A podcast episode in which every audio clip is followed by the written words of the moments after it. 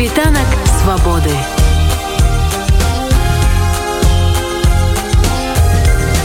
Спіць вольнасці. У чэрвені 2020 года ў Мску адкрылася незвычайная кавярня. Уласнік Александр Аўдзевіч і барысты ў ёй былі людзьмі з інваліднасцю на вазках, а дырэктарам Васіль Павлікаў, чалавек з сіндромам дауна. Праект падтрымала кампанія А1 і ў хуткім часе такіх кавярень з'явілася некалькі ў Мску і адна ў брэсце. А Васіль Паўлікаў, дзякуючы соцсеткам зрабіўся вядомым і папулярным сімвалам э, праекту інклюзіўны барыста. Нядаўна Александр Раўдзевіч выклікаў на свае выклаў на сваёй старонцы прапанову падарыць сваю першую кавярню на раманаўскай слабадзе любому ахвочаму развіць гэты бізнес пры ўмове захавання яго інклюзіўнага складніка. Нечакана для самога Александра людзі актыўна адгукнуліся і зараз кастынг новага ўласніка ператварыўся у сапраўднае рэаліці шоу у нстаграме.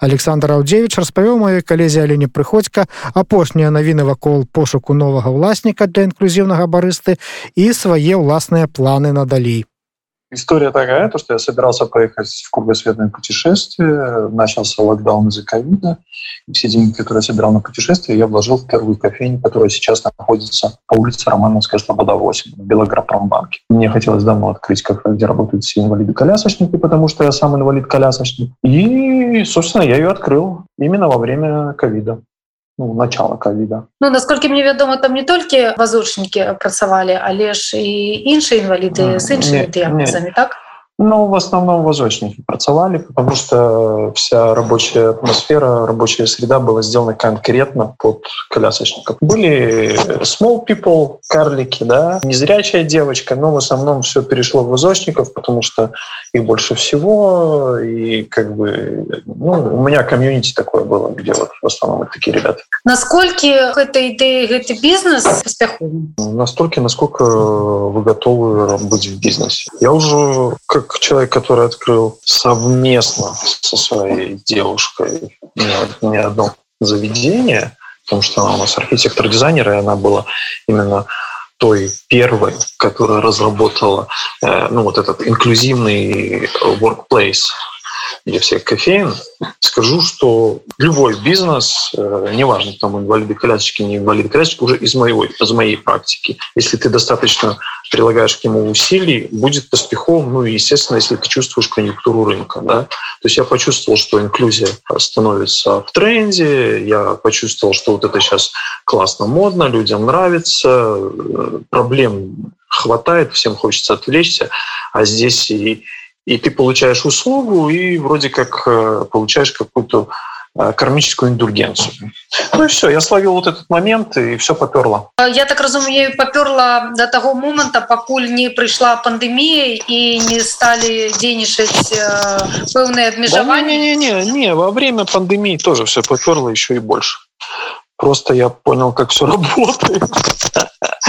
Не, ну как сказать, были моменты, когда я парился, что закроется банк, но когда он не закрылся, как-то у нас после начала пандемии резко начались э, эти все протестные движухи, как-то всем начало по этому поводу. А на пандемию вообще, ну, короче, я, я к тому, как такового локдауна-то не было. Как могла пандемия повлиять? На что, если в Минске тупо практически ничего не изменилось? Ну, немножко стало людей поменьше выходить, но тем не менее. Если бы это было в Испании, может быть, я и прогорел бы, а так не особо что изменилось. Люди ходили на работу, мы находимся в большом здании, где там четыре этажа сотрудников, которые каждый день ходят на работу. Ну, как тут можно прогореть? Нужно, нужно быть совсем уж не коммерсантом. Ну, вось я і хацела запытаць адносно ваших э, кліентаў, то, то бок гэта тыя пастаянныя кліенты людзі, якія там дзесьці працуюць побач, альбо ёсць э, такі пэўны адсотак людзей, якія наўмысна прыязджаюць, каб падтрымаць інклюзіўную кафейню. Ну,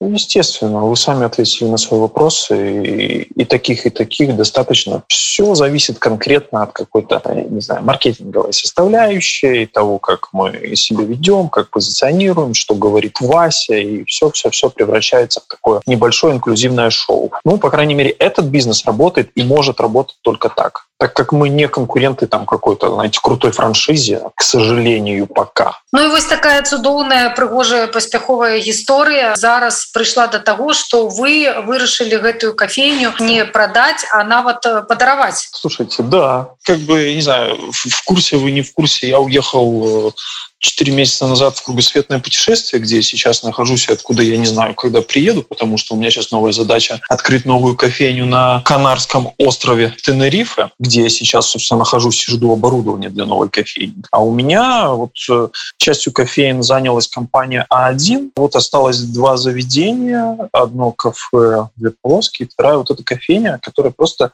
ну, не было руководства, не хватало руководителя. Я не имел уже ни сил, ни желания заниматься вопросами издалека. Поэтому я подумал, господи, продать это слишком просто. А вдруг человек, который купит, вообще превратит ее в какую-то коммерческую, прям супер э, такую ерунду, ну, обычную. Скорее всего, ее купила бы какая-нибудь девушка, которая там мечтала там в своих э, мечтах о кофейне, или которой там захотелось э, что-то там сделать, или какой-нибудь там молодой человек. Или... Ну, я подозревал, что мой покупатель такой, потому что дешевая цена, Потому что место такое, не сказать, что ты с него много чего заработаешь, да, это как бы для тех, кто попробует. Я понимал, если такой человек появится у руководства этой кофейни, то, скорее всего, вся история инклюзивного бариста, а именно с этого кафе она начиналась, э, просто захлопнется. Ну, лично для меня, потому что это было первое место, где мы вот вместе с Татьяной Владимировной сделали вот это. И я не постыжусь сказать, потому что я буквально сегодня видел как новость, что в Нью-Йорке там какой-то мужик сделал ресторан доступный для инвалидов-колясочников, где есть барная стойка для инвалидов-колясочников. Мы так поржали, посмотрели, думаю, ничего себе, вот эта новость. Беларусь-то давно это сделали. Именно из-за этого, не преследуя никаких там меркантильных идей, хотя по уму-то, да и любой коммерс тем более уж человек с инвалидностью должен продать эту кофемашину и все остальное, потратить эти деньги на что-нибудь, учитывая, что я сейчас э, нахожусь в другой стране. Ну вот как-то я повелся на историю и подумал, а почему бы не подарить это тому человеку, кто это сможет не только сохранить, но и приумножить. А потом степ-бай-степ со временем это превратилось, и вот сейчас превращается, прям работаю над этим, в большое инстаграм-шоу, где уже 35 человек, 6 отсеялось, борются за право обладать этим кафе, согласны там работать, делают в нем а, выручки, согласны привносить туда какие-то новые элементы меню, новые элементы пиара. И еще при условии, что там обязательно будет работать человек с инвалидностью первой группы. Представляете? Вот такая вот история получилась. Вот так відавочна гісторыя выходзіць вельмі прыгожая і з маркетынгава пункту гледжання просто файная маркетынгавая гісторыя але ж ўсё ж таки як вы падыходзіце да выбару гэтага чалавека На якого вы пакладаеце спадзеў каб гэтая гісторыя не скончылася каб яна развівалася тому что ну ўсё ж таки па-першае дыстанцыйна гэта непросто по-другое гэта чалавек звонку і вы яго не ведаеце. Ну, слушайте во-первых у нас э, в жюри 30 участников так как сами участники это наподобие не знаю шоу шоу дом 2 может быть еще чего-то являются сами же членами жюри да которые голосуют во-вторых у меня естественно есть какие-то индикаторы по которым которым я определяю. Да? То есть человек не просто такой, я говорю, о, вот ты мне нравишься, и ты будешь э, владельцем кафе. Нет, ты должен прийти на смену, ты должен отработать неделю, ты должен сделать выручку, ты должен сделать какое-то новшество, ты должен привлечь новых покупателей. То есть все это поделено на какие-то индикаторы, по которым я чекаю, насколько этот человек э, как бы разовьет это кафе.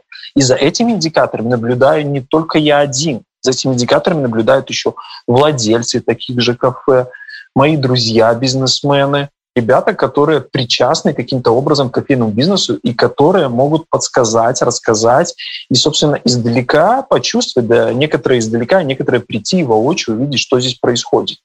То есть не так уж это все и по-глупому я делаю, как оказалось.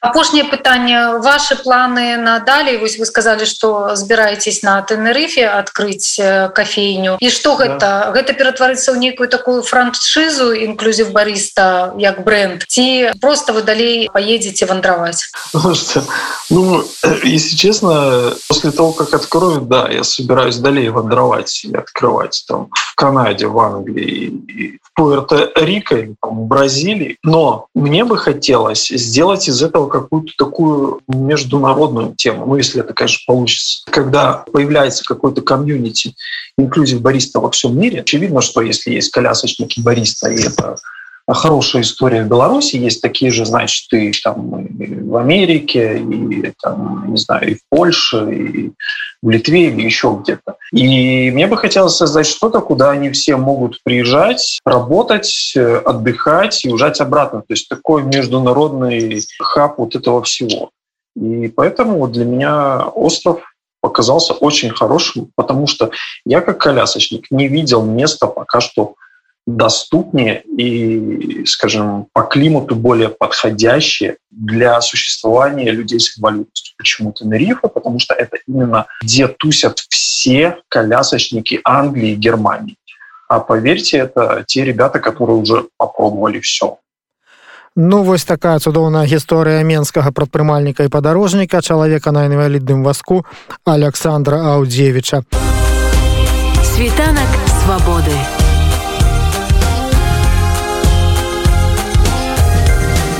Orbit Wolności.